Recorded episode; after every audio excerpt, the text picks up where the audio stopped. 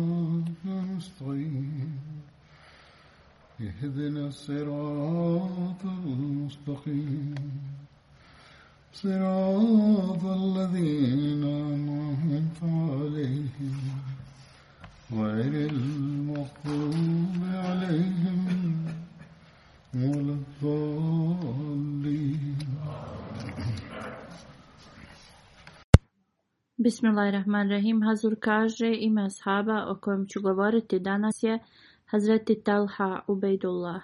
Pripadao je taj bin Mura plemenu. Otac mu se zvao Ubejdullah bin Usman, a majka Saba, koja je bila kćerka od Abdullaha bin Ibad i sestra od Hazreti Ala bin Hadrami. Njegova titula je bila Ebu Muhammed. Časni poslanik sallallahu alejhi ve sellem ga je postavio kao guvernera od Bahrein i tu je ostao sve do svoje smrti. Preminuo je u 14. godini poslije Hidžre. U toku hilafeta Hazreti Omera radi Allahu Anhu. Jedan od njegove braće je Amir bin Hadrami, koji nije bio prihvatio islam. On je, njegov brat je ubijen u toku bitke na Bedru. Drugi njegov brat Amar bin Hadrami je bio prvi idolopoklonik kojeg je ubio musliman.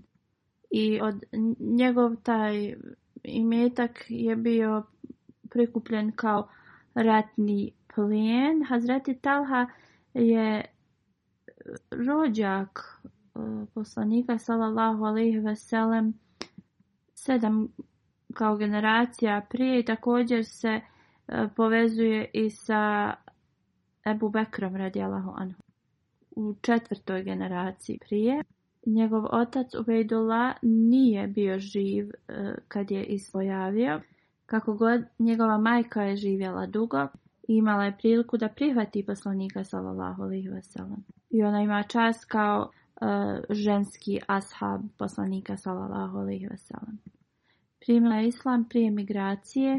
Hazreti Talha bin nije učestvovao u bitci na Bedru kako god poslanik sallallahu alejhi ve sellem mu je dao ratni plijen od rata od bitke na Bedru.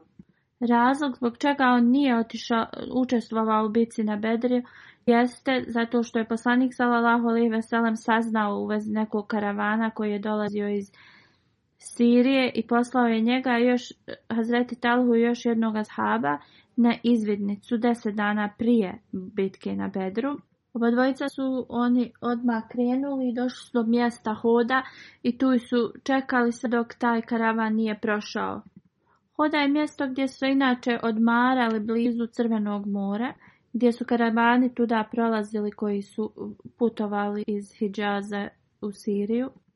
Prije nego što su se Hazreti Talha i Hazreti Sejd vratili sa te izvidnice, časni poslanik sallallahu i veselam je sakupio svoje ashabe i krenuli su. Kako god taj karavan je pobjegao, otišao je drugim putem. Hazur kaže, ovo sam spominjao ranije.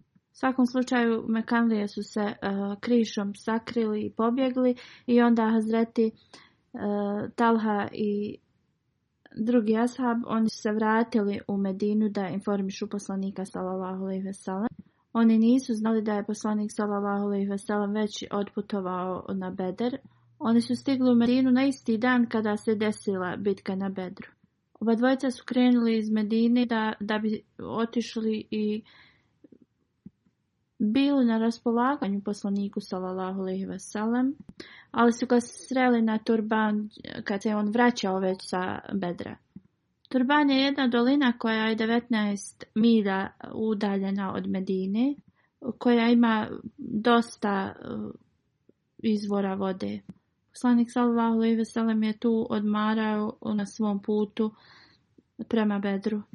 Kao što sam spomenuo ranije, Hazret Talha i Sejd nisu učestvovali u bitci na Bedru, ali poslanik sallallahu alejhi ve sellem im je dao dio ratnog plijena. I zbog toga njih dvojica se uračunavaju kao oni koji su učestvovali u bitci na Bedru. Hazreti Talha je učestvovao u bitci na Uhudu i svim ostalim bitkama uz časnog poslanika sallallahu alejhi ve sellem. Također je bio na kad je bio ugovor na Hudejbi. On je bio jedan od desetorice kojima je časni poslanik sallallahu alejhi ve sellem dao radosne vijesti dženneta. Također je bio među prvim osmoricom koji su prihvatili islam. I on je među petoricom koji su primili islam od Ebu Bekra anhu. On je bio član šura odbora koju je, koju je osnovao Hazreti Omer radijalahu anhu. On je bio od tih osoba za koje znamo da je poslanik sallallahu alejhi ve bio puno zadovoljan kad i, i, čak na kad, kad je umro kad je umirao. Jezid bin Ruman prenosi da je Hazreti Talha i Hazreti Usman još jedan ashab uh, otišli kod časnog poslanika sallallahu alejhi ve sellem. Poslanik sallallahu alejhi ve sellem im je dao poruku islama i učio im je Kur'an. Rekao im je dužnosti islama i također Hazreti Osman i Talha su tad prihvatili islam i posvjedočili su istinitost časnog poslanika sallallahu ve sellem. Onda je Zrati Osman radijalahu anhu rekao o Allahu tek sam se vratio iz Sirije. I kad sam došao kod Ma'an, to je mjesto blizu mjesta Mouta, u vrijeme bitke Mouta, to je mjesto gdje kad su muslimani stigli, tad su vidjeli da su Bizantici pripremili vojsku od 200 eh, dvije stotine hiljada i ashabi su tu boravili dva dana. Hazreti Osman je nastavio kad sam e, došao do mjesta Moan, između Moan i Zurka. On kaže postavili smo naš kamp tu. Dok smo spavali čuli smo da neko govori o vi koji spavate, probudite se, Ahmed se je pojavio u Meki. On kaže onda smo se vratili i čuli smo vijesti o tebi. Hazreti Talha e, Ubejdullah radijalahu anhu prenosi Ja sam bio u Busri koji je stari grad Sirije i poslanik sallallahu alejhi ve sam dok se dok je išao sa svojim amidžom na trgovač, sa trgovačkim karavanima je također e, boravio u Busri. On kaže bio sam na marketu kad je neki svećenik iz e, sinagoge e, govorio je pitao raspitajte se da li je iko došao iz Meke. On kaže ja sam mu rekao da sam ja iz Meke i on me je upitao da li se Ahmed stvarno pojavio. Ja sam ga upitao o kojem Ahmedu ti pitaš. On je rekao sin Abdullaha bin Mutaliba. On je rekao ovo je mjesec u kojem on će da se pojavi i on će biti zadnji poslanik. Njegov dolazak će biti u Meki i on će se migrirati u, u zemlju e, gdje ima puno hurmi i gdje, gdje je zemlja ima puno kamenja i nije puno plodna. I on je rekao nemojte da ga napustite. Hazreti Talha kaže sve što je ovaj čovjek izgovorio vrlo me duboko dotaklo i brzo sam se vratio i stigao u Meku. Upitao sam ju da, li se išta novo desilo. Rekli su da, Muhammed bin Abdullah Emin, koja je bila titula poslanika sallallahu alaihi koji su kao nadimak koji su mu mekanli dali. Rekli su on tvrdi da je poslanik. A Ibn Abi Kahafa nadimak, titula Ebu Bekara, on mu se, rekli su, on mu se pridružio. On ga je prihvatio. On kaže, odmah sam otišao kod Ebu Bekra radi i pitao ga da li on postao sljedbenik Mohameda Rekao je, jesam. I ti također trebaš da odeš kod njega i da ga prihvatiš, jer on poziva prema istini. Onda je Hazreti Talha rekao Ebu Bekr radi sve što je taj sveštenik rekao, on je odveo Hazreti Talhu radijalahu anhu časnom poslaniku salallahu alihi wasallam. Hazreti Talha radijalahu anhu je prihvatio tad islam i rekao je poslaniku sallallahu alihi wasallam sve što je čuo od ovoga sveštenika. Poslanik sallallahu alaihi wasallam je bio zadovoljan kad je ovo čuo. Hazur kaže ovo se spominje u historijskoj knjizi Tapkatul Kubra. Kad je Hazreti Talha radijalahu anhu primio islam, Nofel bin Huwailid bin Advija svezao je njega i Ebu Bekra radijalahu anhu sa konopcem. zbog toga su oba dvojica poznati kao Karinein ili dvojica ashaba. Nofel je bio poznat u Meki kao osoba koja je bila vrlo gruba. Jedan ono, od onih koji je vezao njih također je bio Usman Ubejdullah. Brat od Hazreti Talhe, Svezali su i tako da oni ne mogu se viđati sa poslanikom sallallahu alejhi ve i naređivali su im da ostave islam. Imam Behki je napisao da je poslanik sallallahu alejhi upućivao dovu Allahu o Allahu zaštiti ih od advija. Hazreti Masud bin Haraš prenosi Jedan dan hodao sam između Safa i Marva Vidjela sam veliku grupu ljudi koji prate mladog čovjeka. Njegove ruke su bile sve zate iza njegovih leđa i ja sam pitao ko je on. Ljudi su rekli to je Talha Ubejdul. On je napustio svoju vjeru i njegova majka Saba ide iza njega i ona također ga kao proklinje Abdullah bin Sad prenosi od svog oca.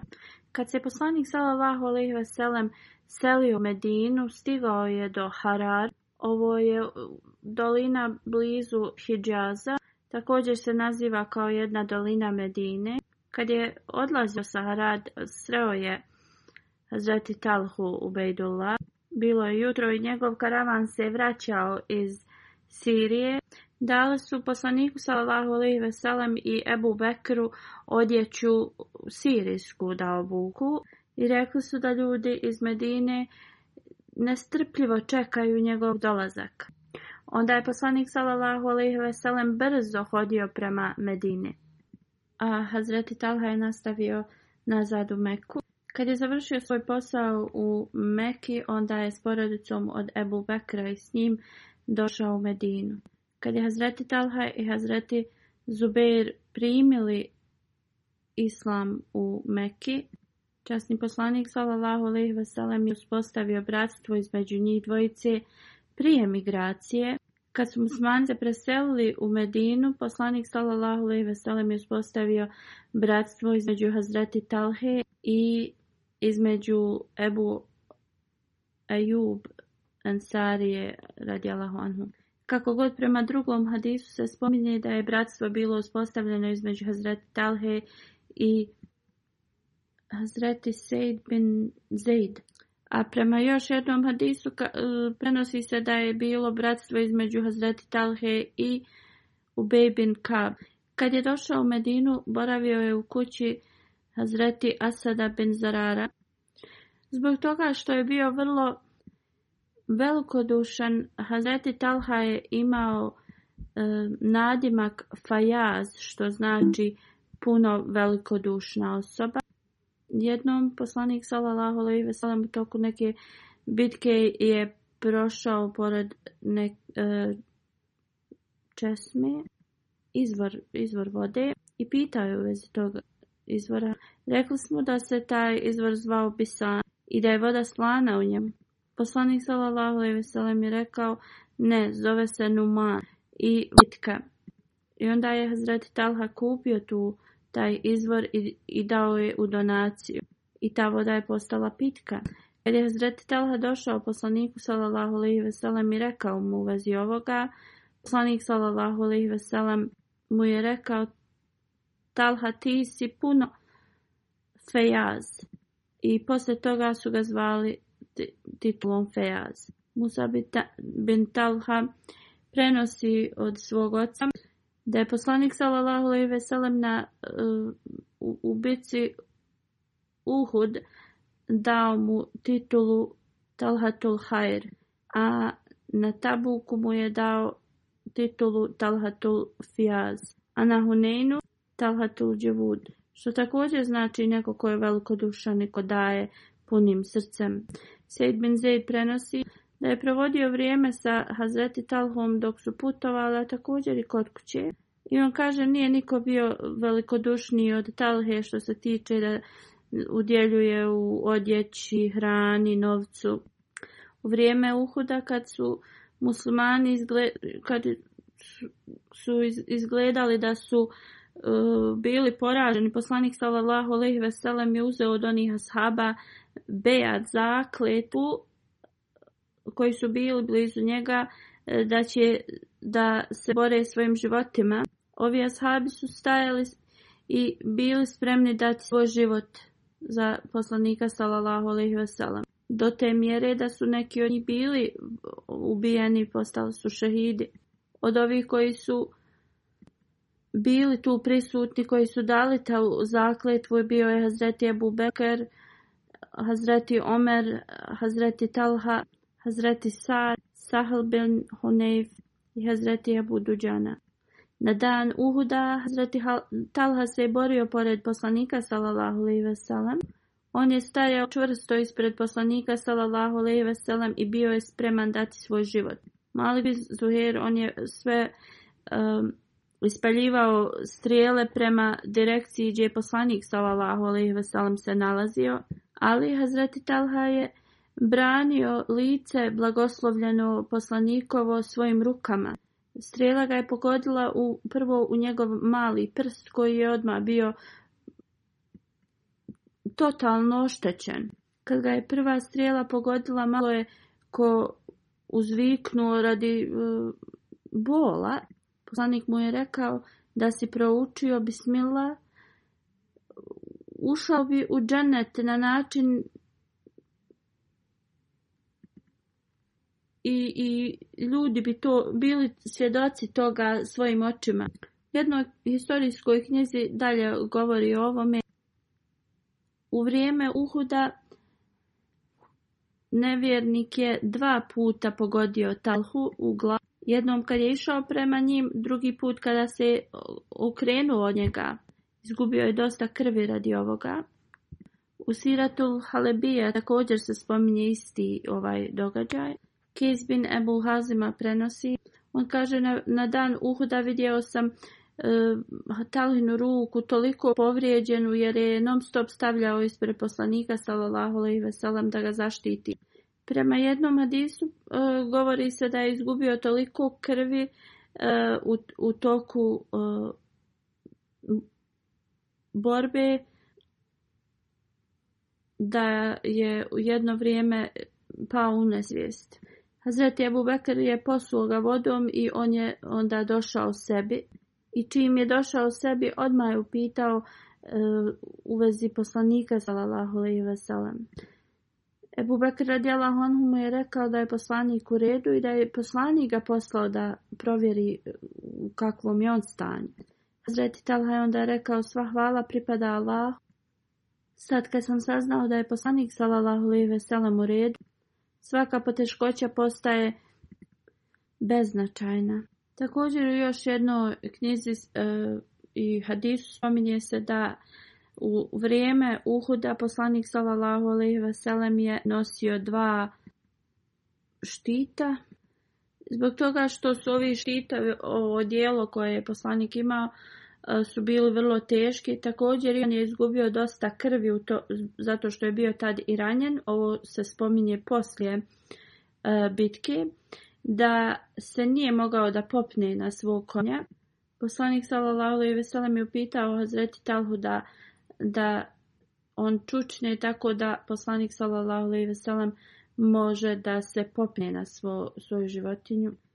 Hazreti Zubair kaže da je čuo poslanika sallallahu alejhi ve sellem Talha je učinio da dženet bude podmoranje za njega. U drugom hadisu se prenosi da je Hazreti Talha hramao i kao rezultat toga nije mogao da hoda normalno.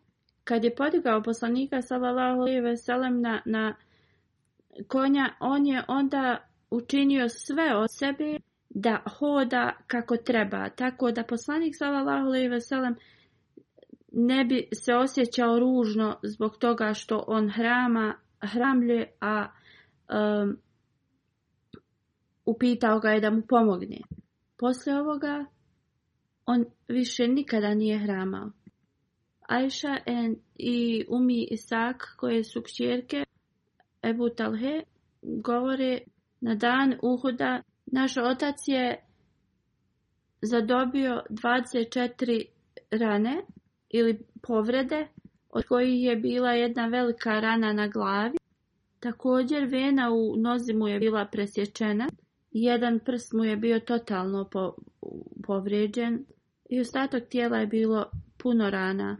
I bio je u stanju da, da je često gubio, eh, padao je u, u nesvijest. Također Prednja dva zuba od poslanika sallallahu alejhi ve su bila slomljena i on je također zadobio dosta povreda i poslanik sallallahu alejhi ve je bio u, takvom također stanju. Hazreti Talha radijallahu anhu je nosio poslanika sallallahu alejhi ve na svojim leđima i hodao je unatrag i kad bi god sreo nevjernika, onda se počeo i boriti protiv njih i ovo je ovako radio dok nije došao do doline i smjestio poslanika sallallahu alejhi ve da sjedne.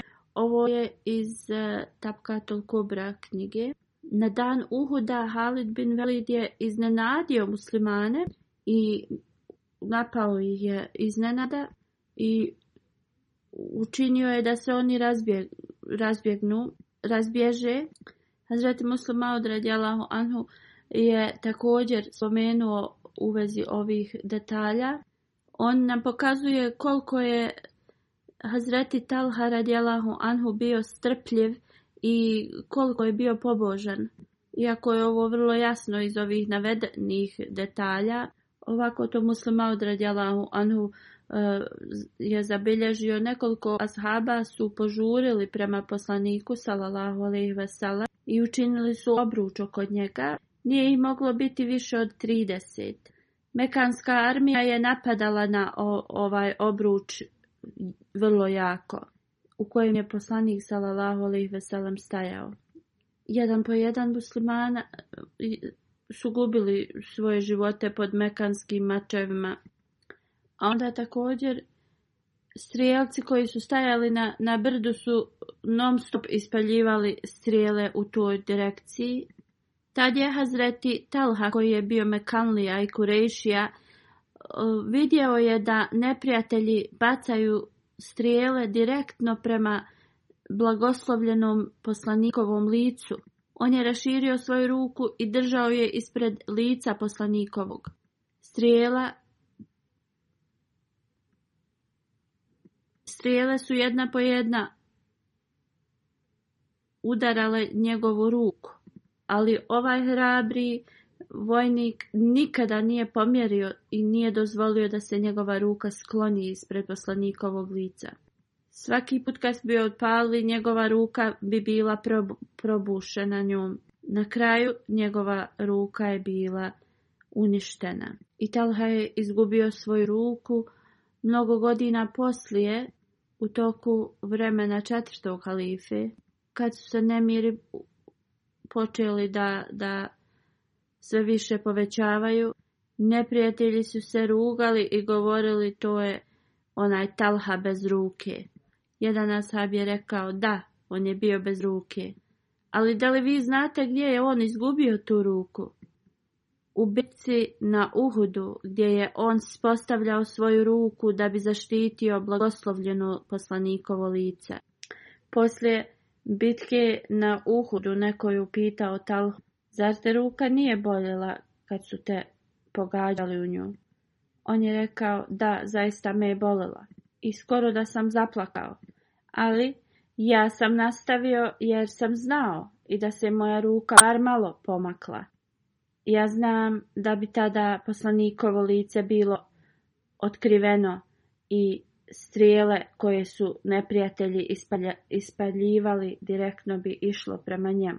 U vrijeme borbe Hamraul Asad dok su gonili nevjernike, časni poslanik sallallahu se sastao sa Talhom u Bejdullah. Pitao je Talha gdje, su, gdje je tvoje oružje?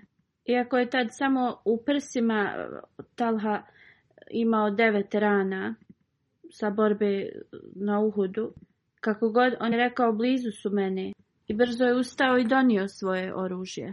Na njegovom tijelu je bilo oko 70 rana. Hazreti Talha kaže, ja sam bio više za, zabrinut radi povrijeda poslanika, salalahu alihi veselam, a ne u vezi mojih.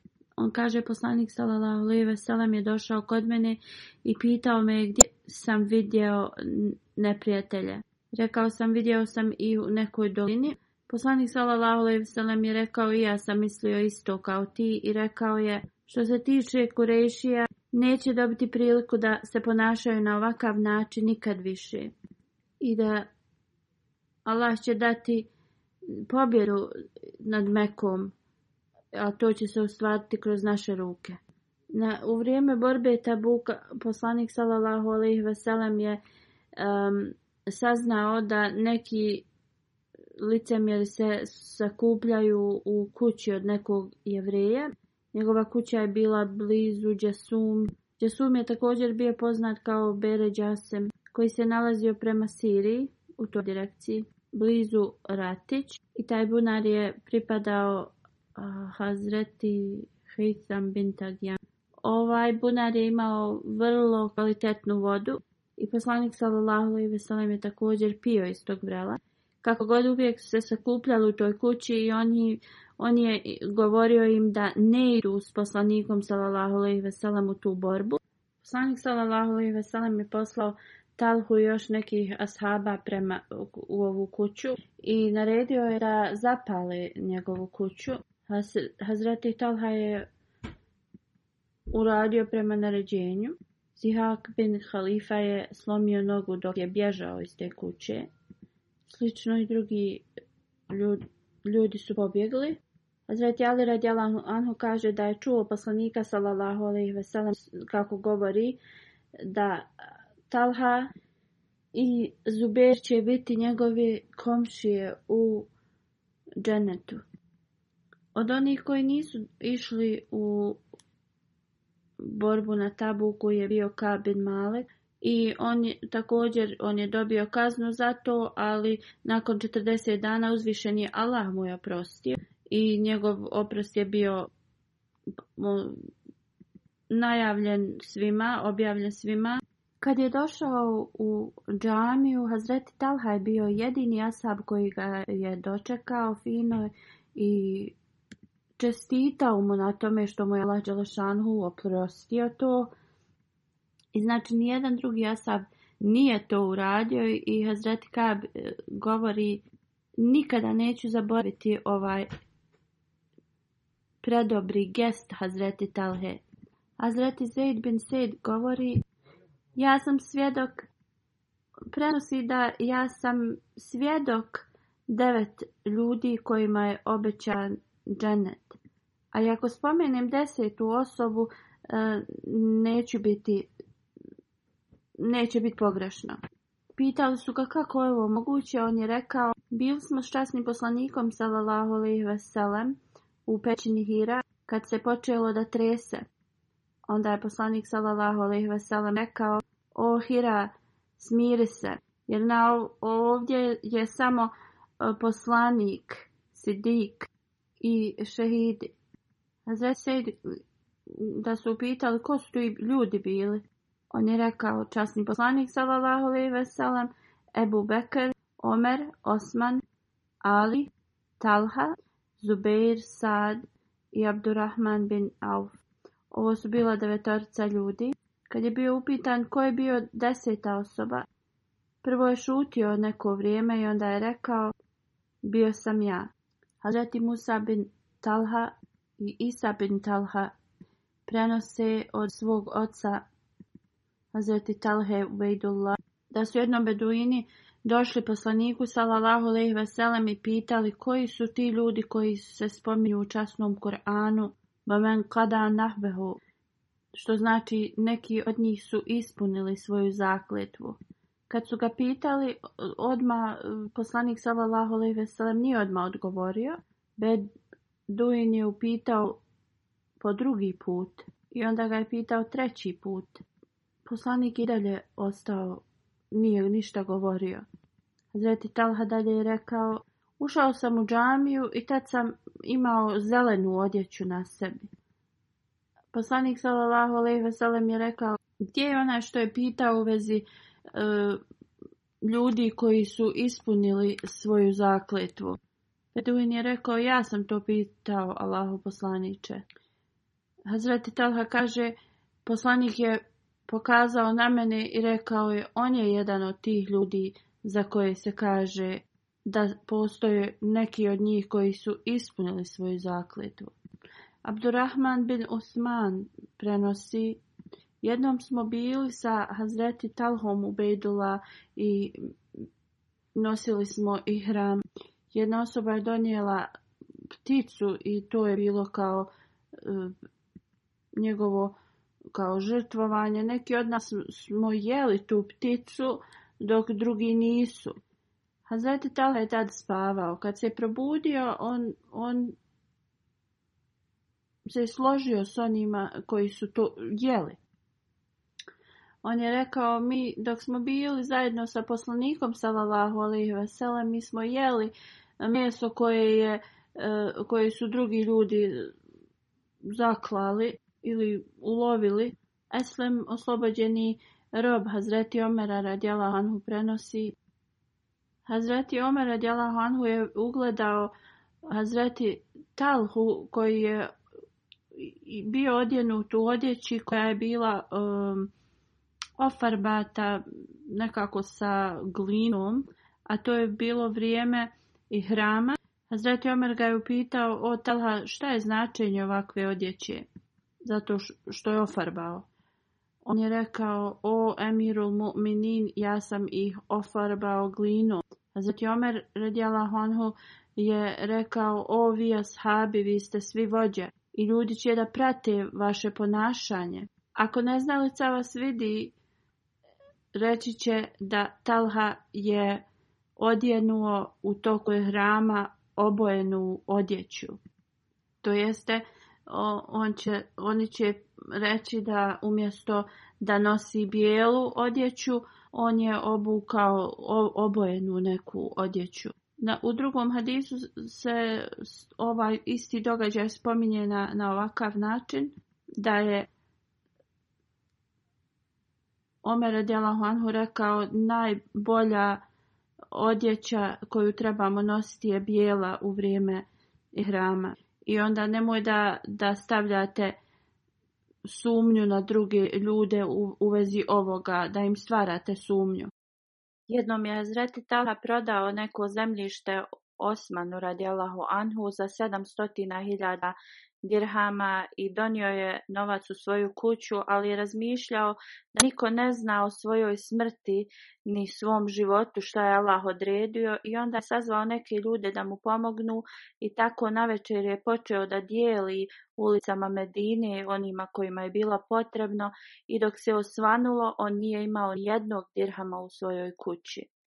U vrijeme bitke Džangi Džamel Hazreti Talha je bio pogođen u koljeno, krvario je puno zato što je krvni sud bio presječen i kada bi pritiskao tu ranu, krv bi se zaustavljala, ali ako bi pustio veliki, e, velika krv bi krenula opet, ali on rekao pustite vi moju ranu, ovo je Allah poslao u strijelu na mene i tako u 32. godini poslije hidre on je postao šehid, imao je 66 godina, dok neki hadis prenosi da je imao 62 godine. Sejbin sejb prenosi. Neki čovjek jednom govorio uh, ružne riječi u vezi Hazreti Alija, u vezi Hazreti Talhe i Zubeira. Hazreti Sad bin Malik, to jeste Hazreti Sad bin Abi Vakas, ga je zaustavio i rekao ne govori ovo o, o mojoj braći. Kako god ovaj čovjek nije prestao, Hazreti Sad je ustao, otišao je klanjao dva rekata i onda je molio Allaha na sljedeći način. Allahu moj, ove riječi koje on izgovara, ako su one vrijedne kazne, onda pošalje svoju kaznu na njega ispred mene, tako da on bude lekcija drugima. Čim je ova osoba otišla, Kamila je brzo išla prema njemu i onda ga je bacila na neko kamenje i polomio se. Prenosijac govori da su ljudi došli Hazreti Sadu i rekli O Abu Ishaq, raduj se jer je tvoja dova bila prihvaćena. Ali Bizeid prenosi od svog oca da je neka osoba sanjala Hazreti Talhu on je rekao usnu da se njegova mjesto njegovog mezara se promijeni jer ga je voda uznemiravala. I opet još jednom je sanjao isti san u vezi Hazreti Talhe. Tri puta je sanjao isti san. Ta osoba je došla kod Ibn Abasa i rekla svoj e, san. Kad su otišli do njegovog mezara, e, dio njegovog tijela je bio zelen, zbog vode i onda su ljudi premjestili njegovo tijelo i ukopali su ga na drugo mjesto. se kaže isto ko mogao sam da vidim eh, zadovoljstvo na njegovim licu, a uopšte se nije bio promijenio. Jedino se eh, njegova kosa eh, bila drugačija. Neki ljudi su kupili kuću od Hazreti Abu Bekra e, za 10.000 dirhama i tu su ukopali Hazreti Talha. Hazreti Talha je imao veliko zemljište koje su bile farme i zarađivao je e, dosta e, godišnje, zavisi od nekih 4 do 5 hiljada dirhama, dok od nekih i do 10 hiljada i niko u tom plemenu e, nije ostao, a da se nije od, imao koristi od e, njegovog bogatstva. Što više svake e, godine bi slao deset hidada dirhama Hazreti Ajši. Hazreti Muavija je upitao Hazreti Musa bin Talha koliko je bogatstva iza sebe ostavio Ebu Muhammed, to jeste Talha on je rekao 2.2 milijuna dirhama i dvije, dinara. I svo njegovo bogatstvo je bilo eh, od, zarađeno od njegovih raznih farmi koje je on bio vlasnik. Kao što sam spomenuo, bio je ubijen, postao je šehid u Džange Džamel. Detalje toga, ako Bog da ću da spomenem eh, na sljedećoj hudbi jer e, detalji vrlo je detaljno i treba da se to spomeni odvojeno. Tako da pitanja koja mogu da se formiraju na nečijem umu mogu i da se odgovore detaljno. Kao što sam spomenuo na prošloj hudbi, svi trebate da se pridržavate preventivnih mjera protiv koronavirusa i također budite oprezni kad trebate da dođete u džamiju. Ako osoba ima i najmanju temperaturu i ima bolove to ne, nemojte da idete na e, javna mjesta. Trebate za sebe zaštitite također druge. I posvetite puno pažnje svojim namazima i da uzvišeni Allah sačuva svijet od, od ovoga.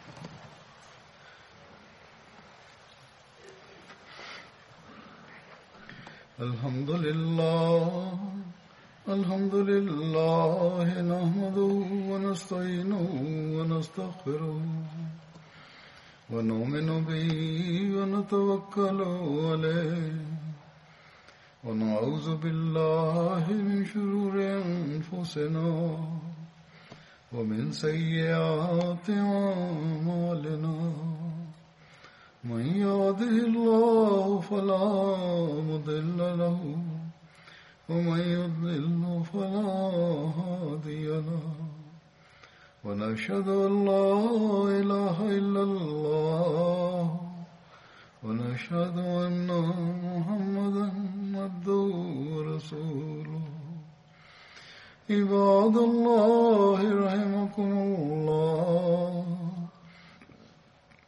إن الله يأمر بالعدل واللسان وإيتاء ذي القربى وينهى عن الفحشاء والمنكر والبغي يعظكم لعلكم تذكرون اذكروا الله يذكركم وادعوه يستجب لكم ولذكر الله أكبر